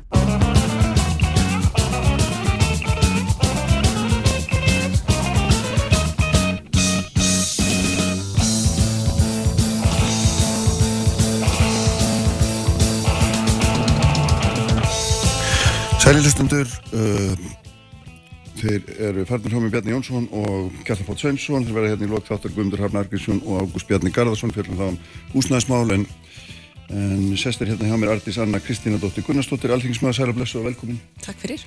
Uh, og í símanu Margrét Sanders bæði fyrir trúi í Reykjanesbæ, Sæla Blessu Margrét. Já, blessu. Við ætlum aðeins að ræða, ég ætla aðeins að ræða innflytjandamál við ykkur vegna þess að hérna, þau, þetta er nú eitt af stærstu málum samtíma og það er þetta uh, svona tiltörulega mörgum orðið nýljóst meðal annars sælabankastjórunum eins og hann lísti nú yfir á fundi þingnefndar að hérna það eru svona 70.000 íbúar í Íslandi með ellend ríkisfang sem er gjör breyting frá því fyrir, ég veit ekki, 5 árum, 10 árum. Dróttum við dýrum að fyrir aftur, lengra aftur í tíman og síðan er þetta, er, hérna, þetta er leggur byrðar á okkur um að taka vel á móti fólki og veita því þjónust og framvegis. Og hérna og, og svona já, leggur okkur ríka skildur að herðar að kosta mikið pening og margir ósáttir við þetta og við þekkjum þessu umræðu auðvitað úr nágrannlöndunum sem að blæðir nú holt og bolt og það eru miklar óerir í Fraklandi það sem að þriðja kynnslóð innflytjenda er óanað með sér hlutskipti og svo framvegs en við veitum að þetta er suði pottur og viðkvæmur hérna á marga túðvöldinumist talið er það ekki að sko Reykjanesbær sé uppseldur og menn þurfu verulega að fara að taka til í, í þessum málaflokki Já, það er alveg rétt og þetta er einmitt sko, þetta er mjög vant með farin umræð og ég skrifa mynd grein og sagði einmitt það er uppselt í Reykjanesbæ en maður verið átt að segja á því að við erum búin að rýfast um þetta síðan 2018-19. Akkur fórum við ekki fram áður? Það er vegna þess að við vorum að vinna með útlendingastofnun þá og vinnumálastofnun núna vegna þess að við viljum gera þetta vel. Við viljum það er nákvæmlega það sem þú sagðir. Þú vilt taka vel á móti fólki og gera vel. En þetta er eh, núna ómarkvist, ómanneskilegt að hrúa flestum hægilegt leitendum eða fólki sem er að sækja málgæðlega venn á eitt stað. Og það eru 1100 manns í Reykjanesbæg og þá ég segi alltaf 1100, það halda margir fram að, þeir séu fleiri en við skulum segja bara 1100 það er svipað og í Reykjavík það er 7000 manns kópaðu með 2000 þetta er brjálæglu fjöldi mm. á einu stað og ef þú ert með mismundi menningaheim og annað hvernig ætlar að taka vel á móti? Innviðnir er ekki að bera Já, það er hérna, það er margt í þessu og, og, og, og hérna, já, við erum bæðið með fólk sem sækir um alþjóðlega vend og svo erum við náttúrulega með gríðalega hópa fólki sem bara kemur hér til að starfa og bara er fullkomlega eðlilegum fórsendum en maður má orða það þannig. En veldur auðvitað líka álægi á eða álægi, þau notar auðvitað líka innviðin okkar eins, eins og við gerum þetta bara sjálf Já, það er, það er algjörlega rétt hér og þess að það finnst okkur mikilvægt að við hefum verið að gera þetta vel, við erum með 31% íbúum Reykjanesbæðar af erlendu bergi broti. Mm. Þannig að, að það eru aðilar sem að við höfum gert mikið í að, að, að láta þau aðlagt samfélaginu og varandi fólk sem er að segja um alþjóðlega vend, við höfum gert það líka vel. En við höfum bara að segja önnur sveitafélög verða líka aðstof vegna sem þetta er mjög oft mjög brotnir einstaklingar sem þurfa mikla aðstof mm. og ekki ruggla saman neyðakerfin okkar og svo atvinnikerfin okkar. Nei, hérna svona, þessi, þessi heildarmynd sem ég var að reyna að draga upp hérna í, í upphafi og ég menna hún er ekkit að breytast í náinni framtíðhaldi þetta mun ekki, fólksflutningar í heiminum mun ekki, þeim mun ekki, ekki minga og við munum bara, þetta er bara að verða stærra og stærra mál að ég held og ég veit ekki hvort að þú er sammálað því. Já, það er nú svo sem allt, allt sem bendir til þess lofslagsbreytingar og, og tækni þróun og annað. En þessar fólksflutningar eru náttúrulega ekki ný, þetta er ekki nýtt fyrirbreyði í, í mannkynnssögunni og hafa alltaf fyllt mannkynninu og þar eru við auðvitað að tala um stórumyndina fólk á, fólk á faraldsfæti sem er kannski eitthvað sem er uh, varandi, hvað við segjum svo, við tölum landamæri, þá er það að tala um að opna og loka landamærum það er kannski ekki eitthvað sem er uh, til umræðu á íslensku vettvangi sérstaklega, við erum hlutið alþjóð samstarfi og öðru, við erum í sengen þar sem að landamæri eru mjög lókuð, það eru landamæri til Íslands og Evrópu eins og annara vesturlanda eru almennt mjög lókuð. Varandi það sem að Margrit er að tala um, þá ætlum ég nú bara að byrja á að segja að ég er bara mjög sammálaðinni mm. með mjög margt. Og þar eru við kannski að tala um annað þá, þar eru við að tala um veruleika Íslands inn í því, landamæri kerfi sem við búum við nú þegar. Þannig að það er ekki verið að tala um hvort við erum að fjölga að fækka fólki, heldur hvernig við ætlum að gera þetta inn í því kerfi sem við erum hlutaf. Og sko það er rétt að einhverju leiti að það sé munur á þeim sem koma hinga og sækja um til dæmis alþjóðlega vend heldur en sem að fá dvalarleifi til þess að vera hérna. Mm. Uh, stærsti munurinn er sá að uh, alþjóðlega vend er í rauninni eina dvalarleifið sem þú getur, með okkur myndatekningum, sem þú getur sótt um eftir að þú er komin til landsins. Þannig að einstaklingar sem sækja mannarskona dvalarleif þeir fá það ekki fyrir þeir eru komin til landsins og getur ekki sótt um fyrir komin til landsins. Þetta setur þessa einstaklinga í þá stöðu að þeir eru hér á landi á meðan þeir eru ekki komni með dvalarleifi og það eru þetta fyrst og fremst sáhópur sem er, hvað við segja uh, kostnaður fyrir samfélagið og ekki á, sami ávinningur á móti vegna þess, ef við erum bara að tala um innvið og annað, vegna þess að þau megi ekki vinna. Þau meiga í raunin ekki, þau eru reynir, mm. fólki í þessari stöðu, það er í byðstöðu, það fær ekki að verða hluta samfélaginu sem er það sem að það auðvitað þráir heitarinn allt eins og, eins og við öll og þar er ég fyrstalega í samálamarketi það uh, það er slæmt að það sé búið að leggja þetta þessu, uh, þessum þunga á fásveitafélög uh, og líka, en svo vil ég líka benda það og ég vil segja að Reykjanesbær hefur staðið sér vel í mm. gegnum tíðina, ég vil líka segja það. Uh, hins vegar þá er sá vandi að svo stóru leiti heimatilbúin hann er heimatilbúin vegna þess að það hversu lengi fólk er í byðstöðu og hverjir er lenda í byðstöðu það er eitthvað sem að við stjórnum. Og þar myndi ég segja að stefna stjórnvalda væri algjörlega í öfu átt vegna þess að það er ekki fólki sem er að koma sem er vandamálið. Við þurfum að fólki halda og, og samfélagu stekka, og minka það er ekki fólkið eða fjöldið sem er vandamálið. Vandamálið er, uh, eru innviðnir mm. og það hvernig við byggjum upp, hvernig við tökum að, hvernig tökum að móti fólki. Og stefna stjórnvalda þá hún sé nú ekki til á bladi þá sérst hún í, í aðgerðu stjórnvalda. Og á því sérst meðal annars að eins og til dæmis lög sem voru samþykta alþengi núna 15. april síðastliðin sem að höfðu fyrst og fremst það markmið að senda skilabóð til fólk sem að það sé ekki velkomið uh, þau skilabóð síðan fara náttúrulega til stjórnvalda líka og útlendingastofnu til dæmis tekur þarna ákverðin á okkurum tímapunkti fyrir nokkur mörgum mánuðu síðan að hætta að vinna umsóknir einstaklinga sem að koma frá Venezuela. Það sem að það, og þar eru við með mörg hundru einstaklinga sem áður voru nokkuð sjálfkrafa að fá uh, dvalar og atvinnuleifi og leifi til þess að jafnvel bara hefja sin eigin rekstur mm. og þessi einstaklingar voru í rauninni sko að koma hraðar inn í samfélagið og betur inn í samfélagið heldur um margur að mati svona þeirra sem að það er mikið með flottumunum meðlan að þeirra ástæðu að þau komast hrætt fyrir samfélagið.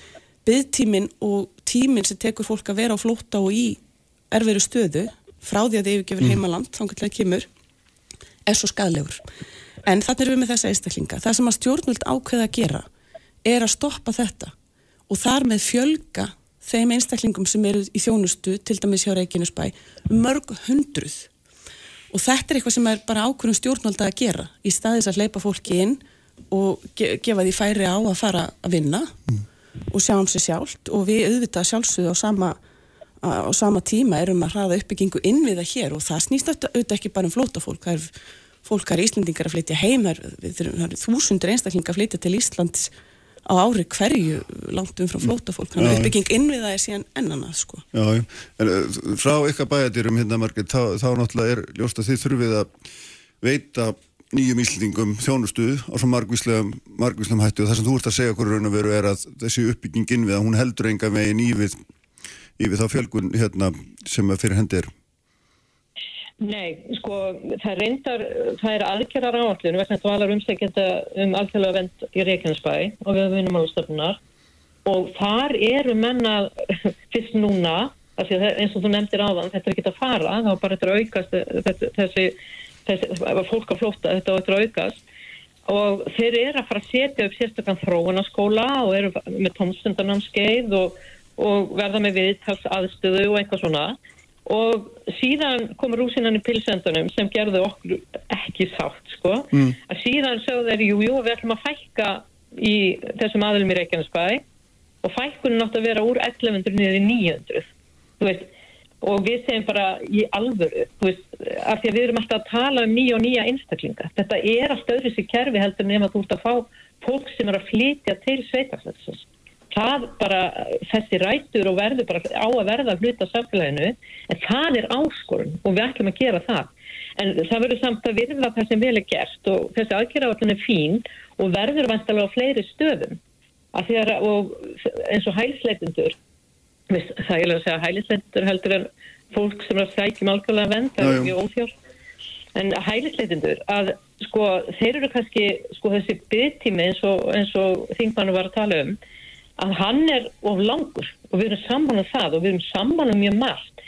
En það sem við erum ósamála um það er þetta með atunlegi sko ef að stjættarfjölögin á Íslandi og samtök atunleysins og þeir eru atunleikundur ef að þeir eru þá með stjórnvaldum sammála því að bara leifa öllum þeim sem vilja koma einhver og vinna að gera það þá eru við bara að tala um alltaf aðra vinnulögjum vinnulögjuna í Íslandi er mjög ströng það er EES aðilar og Norðurlöndin sem að eru í rauninni fá atvinnulefi en ég meina það er ekki bara Venezuela sem hefur áhuga á komikað það eru bandaríkjumenn og það eru frá, frá Afríku og það er fullt af fólki sem hefur áhuga á komikað en við erum með stranga vinnulökjum mm -hmm. ég er ekki að segja að eiga breytinni en mér finnst það bara allt annaldur neyðarúræð af því að það var nefnt að, að þetta er alveg rétt að, að þetta er hörku duglegt fólk, fólki frá Venezuela og það er sagt að atvinnið þáttaka þeirra sem eiga að fara að vinna sé 80% en núna bara januar til júni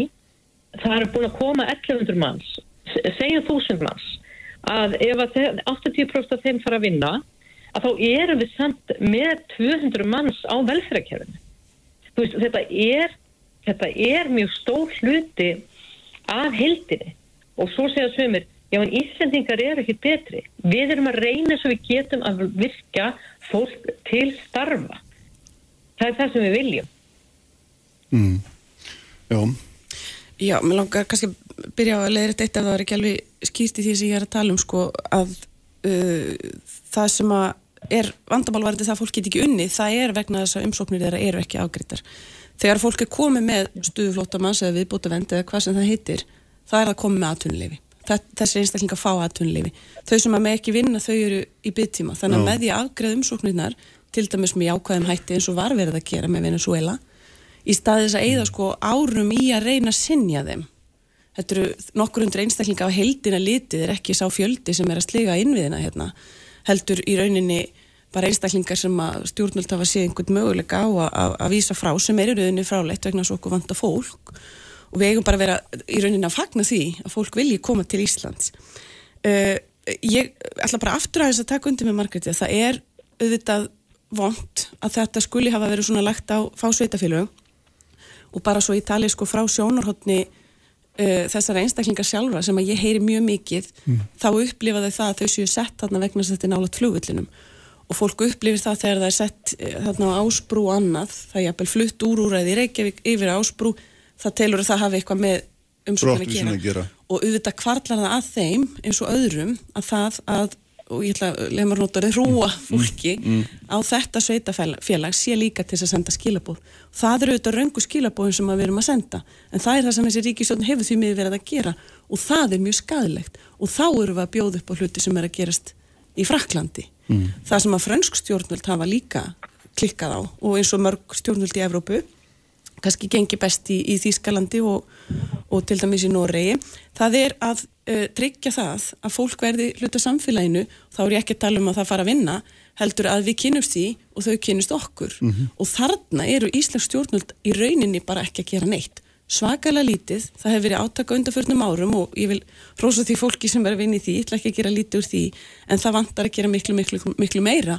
Og það er ekki að sjá þessa stefnu í að gerum stjórnvalda uh, varandi það að þetta sé neyðarúræði þá er ég samála margæti en neyðarúræði uh, sko hæli er ekkert annað en dvalaleifi það er auðvitað algengum miskilningur að flóta fólk sé öðruvísi en aðrir innflytjendur að þýlitunum til þau þurfu svo mikla hjálp og svo mikla aðstóð þetta er alveg rétt og það er í einhvern ákveðin tíma eftir komu vegna þess að þau þurfa að fara svo, svo hratt frá heimalandinu.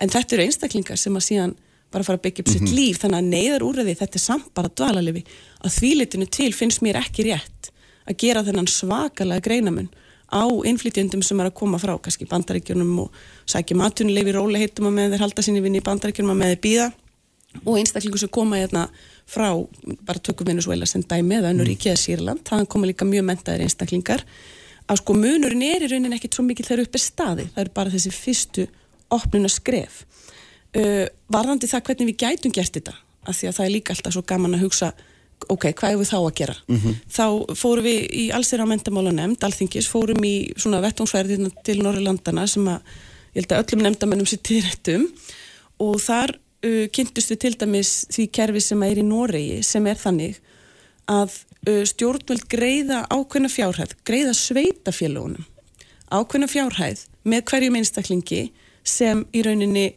uh, sveitafélaginu er bóðið að koma á lappirnar eða svoleiðis, koma inn í samfélagið og þessi fjárhæð hún er nægilega há til þess að sveitafélagin sjá akkur í því að taka móti fólki vegna þess að ef þeim gengur vel að hjálpa fólki mm -hmm. aðlast samfélaginu og verða virku hluta mm -hmm. því þá komum við út í plús fjárhæðin er ekki háð því það er ekki í rauninni bara svona kostnæður og þetta er svona okkur einn kvati og þetta hefur gefist mjög vel og ég held að við höfum öll verið sammála um það í nefndina þetta væri mjög mm -hmm. góð, góð, góð vinna en þetta hefur ekki verið viljið til þess að gera þetta hjá ríkistjóttina fara þá leiða að, mm. að hvað ég var að segja, hvetja önnu sveitafélög með öðrum hætti en bara með einhverjum orðum mm.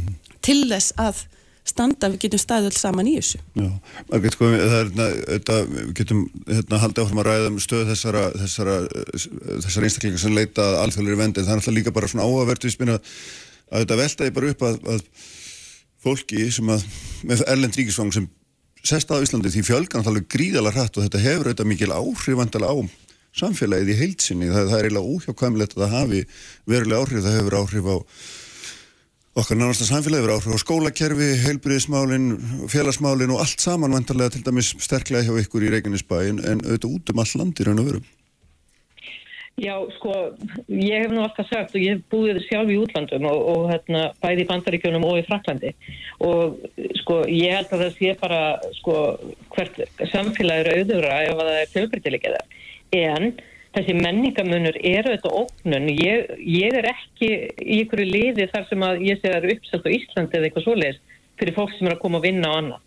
En það sem að við þurfum bara að standa vörðum að mínum að þið sem ég veist ekki koma nægilega vel eh, fram í umræðinni það eru jafnbreytismálin við verðum svo vörðið það í Reykjanesbæ að jafnbreytismálin eru ákveðin ókn bara hreinlega út af menningamun og við þurfum að upplýsa fólk sem er að koma stöður á Íslandi.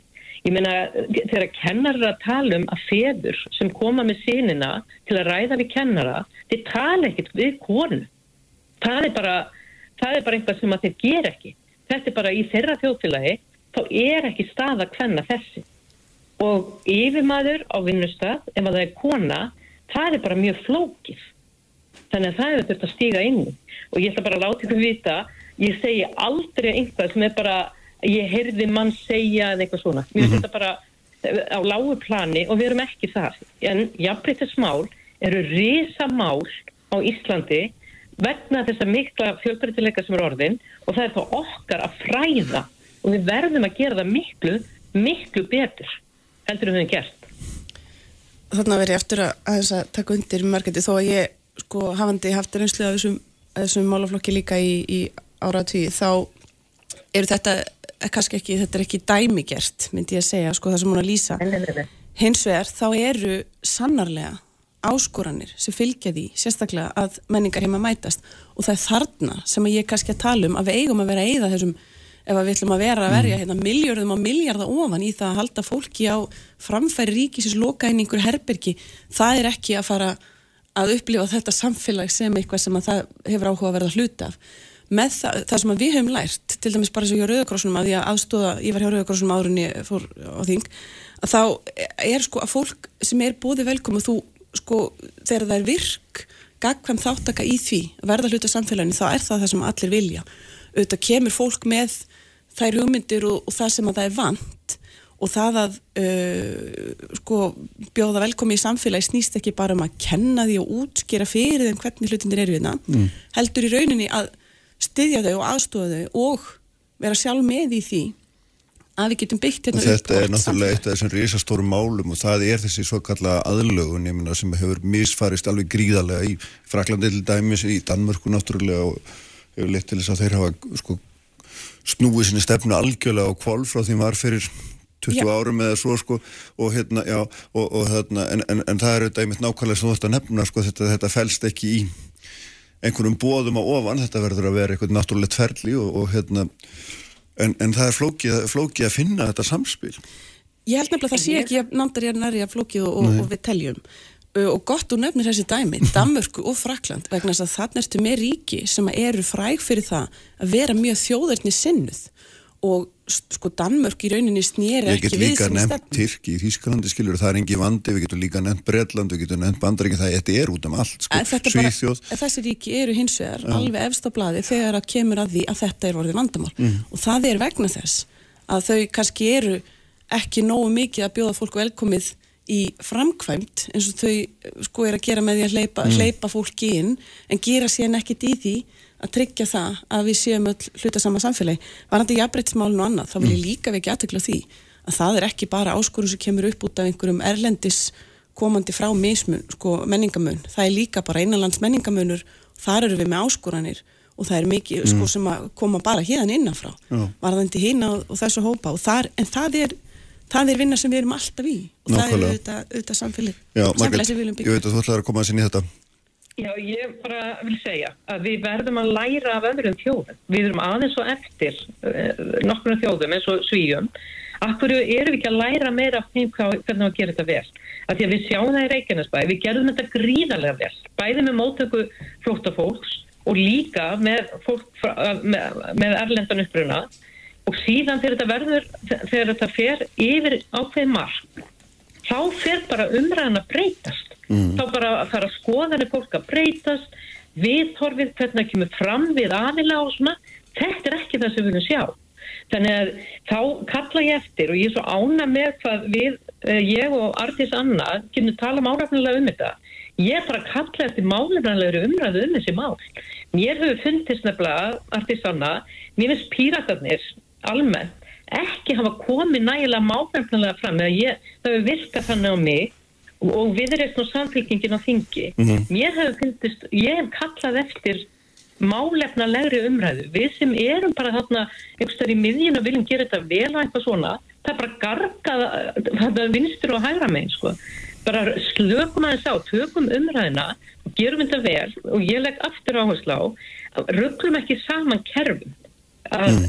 umsöknir um alþjóðlega veld er neyðarúræði og síðan er það þessi aðtunum á En hvað eru við sammálum? Við þurfum að hraða þessari málsmeðferð gríðarlega. Mm. Þannig við verðum að gera það. Já, hérna, eina myndu. Veit nú bara ekkert hvað Margrét er að tala. Ekki fara út í, í, í píratunum. Það við séum ekki málumnilega. Ég hérna, bara hveti til að nýpa í mig þegar þið finnst það ekki og við tökum samtala því. Ég bara hennilega veit ekki hvað það tala um. Uh, ég hef lagt mig mjög mikið fram með að vera málefnilega í þessari umræðu hún sver þá verður hún oft þá verður, verður hún oft heit tilfinninga heit og ég er samanlega því að við þurfum að, þurfum að taka hana yfirvegað en sko ég er hins vegar vil ítrekka það að ég er ósamála því að gera þennan skýra greinamun á þessu neyðakerfi og atvinnikerfi að því leiti að fólk vil einhvern veginn uh, setja einhvern kvóta á neyðakerfi. Neyðakerfið er ekkert annað en það að fólk færa að sækjum atvinnilefi eh, útvalið eftir að það komið til landsins. Mm -hmm. Besta leiðin til þess að flýta agriðsleisra mála er að veita fólki dvalur atvinnilefi. Þannig ég ætla að vera sammála Margret í því að við hefum að flýta þeirra agriðsleins og mhm. kostur er. Jómandi, Margret, takk fyrir að vera með okkur í dag. Já, takk fyrir. Takk, takk. Og hérna Ardís, takk einlega fyrir að koma. og hérna ég ætla að ræða maður sem húsnæðismála eftir Guðmundur Hrafn Argrímsson og Ágúst Bjarni Garðarsson. Kraftmikil umræða alla sunnudaga. Sprengisandur á bylgjun Uppspretta frétta á Sprengisandi á bylgjunni Sælustendur erum hér á lokasprettinum, þar eru farnar frá mér Ardís Anna og Margret Sanders.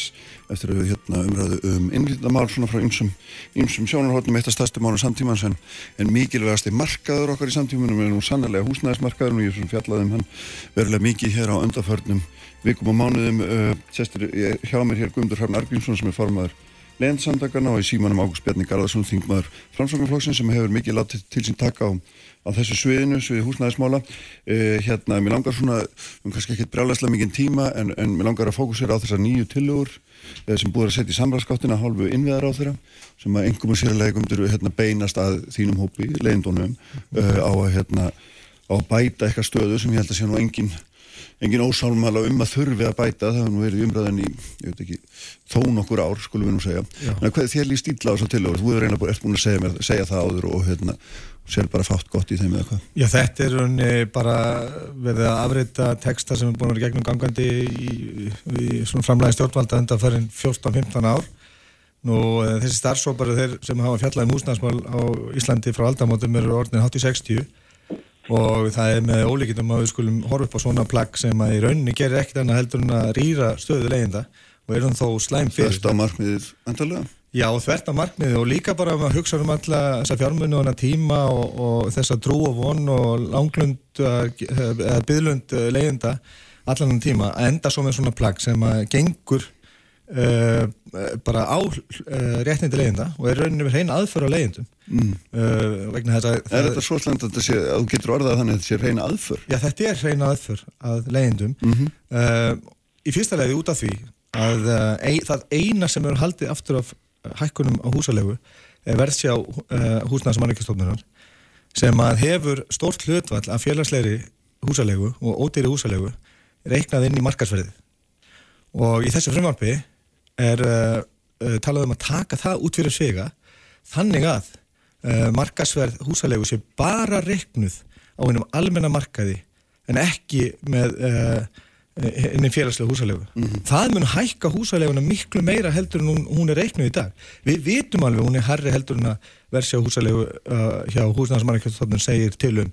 Við höfum haldið út velas eftirliti á legumarkanum núna frá því í januar og hittum við mitt innviðar á þeirra í mars og afhendum honum með trúnaðaskjál þar sem við fórum, vorum búin að sapna saman mörg hundru auðlýsingum af uh, húsalegu eða legu íbúðum og vorum búin að reikna út uh, markasverða húsalegu fyrir uh, fjöldanallarna postnúmurum og fjöldanallarna stærðartegundum af, af húsnæði og síndum þannig fram á að auglíslega eða markaslega er miklu herri heldur en uh, eins og hann reikn út að sangat versi á uh, húsnæðar mannvíkjastofnunar og tölum að það er að við þurfum að, að vara við því mm. að þeim eiginlega markaslega ef hún er því byrt þá myndi það valda miklu frekara hækkunum heldur en orðið eru og þessar vitne, þessa vitneski hefur innverðar og sett inn í þetta frumvarp.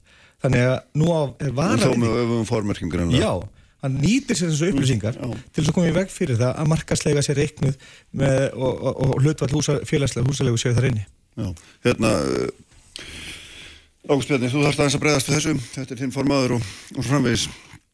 Já, já, algjörlega. Og hérna bara takk fyrir þessu umræðu. Ég held að það sé sko, kannski til að byrja með, óþarfi í raun og veru að vera endurlust að horfa í baksinnspeilinu þessum málum. Ég ætla bara að segja það uh, persónulega að þetta, er mitt fyrsta kjörtjámbil sem þingmaður og það er fullur vilji og áhugi meðal annars að minni hálfu til þess að gera betur í þessum málum og þá bara heilt yfir. Bara við getum bara tekið húsnæðismálun í stóru stóra sammingin og stóru myndinni og þar eru þetta leikumarkaðar undir. Hann er risastórt verkefni og við viljum öll gera betur uh, þar og markaðum í heilt eins og er ef við förum í þessa tillögur sem að ráð þeirra fjörk aðfendar núna fyrir nokkrum dögum síðan uh, að þetta eru þetta starfsópur sem að hann skipaði í kringum kjærasamninga í fyrra, í 2022 og mínum að þetta er þetta, og var þetta svona starfsópur á með nokkuð breyða skýrskotuna sem maður segja, það er vinnumarkaðins, húsnæðis og mannurskjárstofnun og svo þetta þeir, þau ráðuniti sem að hafa aðkomið að húsnæðismálum einum eða öðrum hætti mm -hmm. þessa tilugur hafa núna litið dagsins ljós og ég held að það sé rétt að taka það mjög skýrt fram að þó svo að það sé þannig að þessi starfsópur sé skipaður á ráð þeirra að þá eru þessa tilugur núna komnar í hans endur og það er fara í samráðskatt stjórnvalda og ég held að það sé mikilvægt og ég vil bara fólk viti það að það þarf að skýra út þessar samráðskatt vegna þess að það verður oft, það er leiðilegt að segja það að það verður oft miskilningur um það að er tillögur sem byrstast í samráðskattinni séu fullmótaðar tillögur á þeirra uh, en svo er bara ekki. Þannig að þú ótt vonað því að þessar tillögur breytist ef að menn hérna sittja fram gaggrög Já, það er bara svo ég fá að klára, veist, það getur alveg gert, uh, uh, en, en þannig er auðvitað ekki um full mótaði til að ræða, þannig er hópurinn búin að vinna þessa mm. En ertu, ertu sammála guðmyndi um að þarna, þetta sé, þarna sé, hérna, sé uh, réttur leiðenda ekki nægilega tryggður? Ertu sammála þeirri niðurstöðu? Ég, ekki alveg, en ég er samt að fá að klára. Já, já. nú er starfsóparinn búin að skila já. og nú er verið að kalla eftir umsögnum. Þannig að nú gefst öllum aðilum uh, svigurum og tækifæri til þess að koma með betrumbætur og nöðsynlegar aðtöðarsendir sem að uh, geta bætt máli með einhverjum hætti. Og ég vænti þess bara að þeir aðila sem að hafa eitthvað um máli að segja og fjallum máli að þeir skili umsögn, þannig að fresturinn er, hann er rúmur það er góður tími til þess að skila vöndum og ítalum. Já, Ágúst, við hefum ekki, ekki rosa mikið tíma að halda áfram að hérna. Það, það, það er óþarfi að mín mati, án þess að gera lítið úr þessum málflutningum, þess að ég skil það mjög vel, að þeir aðdelar sem að hafa skoðun og sérstaklega auðvitað leyendasamtíkin uh, hafi uh, áhyggjur af þessum málum og komið fram, en ég held að það sé hins vegar algjör óþarfi að rýsa upp á afturlöfnunar, vegna þess að nú er bara skynsanlegt að einbeita sér að þessum þáttum uh, og fara í það ferdi sem að framöndan er, uh, hvað megi betur fara. Uh, og ég held að, að sko, ég meina Guðmundur er sjálfur, hann gerir þannig bara síðast í vikulókunum um gæð, búin að týna til uh, ákveðin atriði sem eru góð eins og vanandi skráningaskilduna og slíkt. Ég vil taka það sérstaklega fram, ég held að það sé mjög mikið til, til bóta. Uh, Einnig varandi það að- að styðja kærunemd húsamála og, slíkt.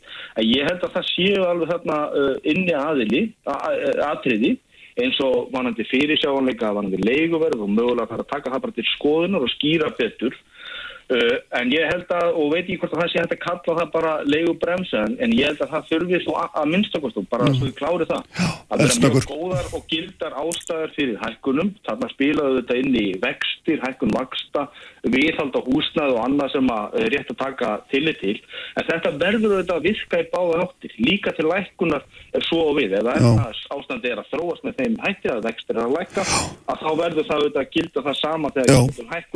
og til lækkunar Þannig að Já, ég held að það er að- samkvæmt í þessu, Já. en, en sveirum til þess að gera enn betur já, einmitt, Guðmundur. Sko, varandi samráð stjórnalda við leyendur, þá er það nú bara þannig að þessi starfsópur hann var skipaður í mægi fyrra. Við hö- hittum hann í 30 mínútur í ágúst í fyrra eftir að fengi eh, senda hann frá honum eh, spurningalista tíu dögum áður. Það er allt samráði sem er haft við leyendur og það er engin leyandi í þessum starfsóp ekki, og, og eh, ég hef einu svonni komið að svona vinnu stjórnvalda það var í massi fyrra þar sem að ég satt í 25 manna starfsóp sem fjallaði um leiguvend og ég var eini leyjandinn og einu fulltrúi leyenda, allt hitt voru fulltrúar eh, le, leigufélagana og rauninni allt saman bara vel stætt eigna fólk þannig að, að það er ekkert samráð haft við leyendur um þetta og ég get ekki séð að, að markmiði með þessum tillögum séð til þess að breyta þeim.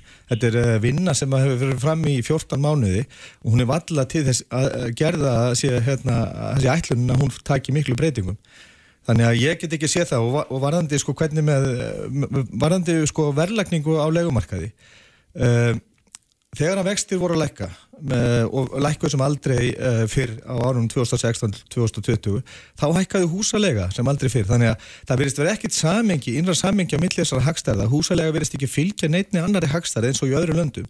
Þannig að það þarf að setja regluverk um leigu fjárhæð í upphafi samnings. Það er bara eðlilegt vegna þess að húsalega hérna á Íslandi fyrir hækka 143,5% frá mars 2011 eða frá því að byrja að sapna þessum upplýsingum og þetta er náttúrulega algjörlega óbóðlegt og það sína allar kannanir, allar rannsóknir að staða leigjand er óbóðleg og þess vegna er með ólíkindum að innviðar á þeirra skuli taka ábyrð á þessum tillögum og setja þeir í samráðskátt sem að ganga nærri leigjandum og eru í rauninni aðför að réttastöðu þeirra og er hún þó veik fyrir og ég, ég, bara, ég skil ekki svona vinnubröð og það lítur að vera eitthvað sem kallast bara ábyrða og, embættur, og embættisfæslur uh, uh, þeirra sem eru kjörnin til þess að fara fyrir hagsmunum eins og fólk.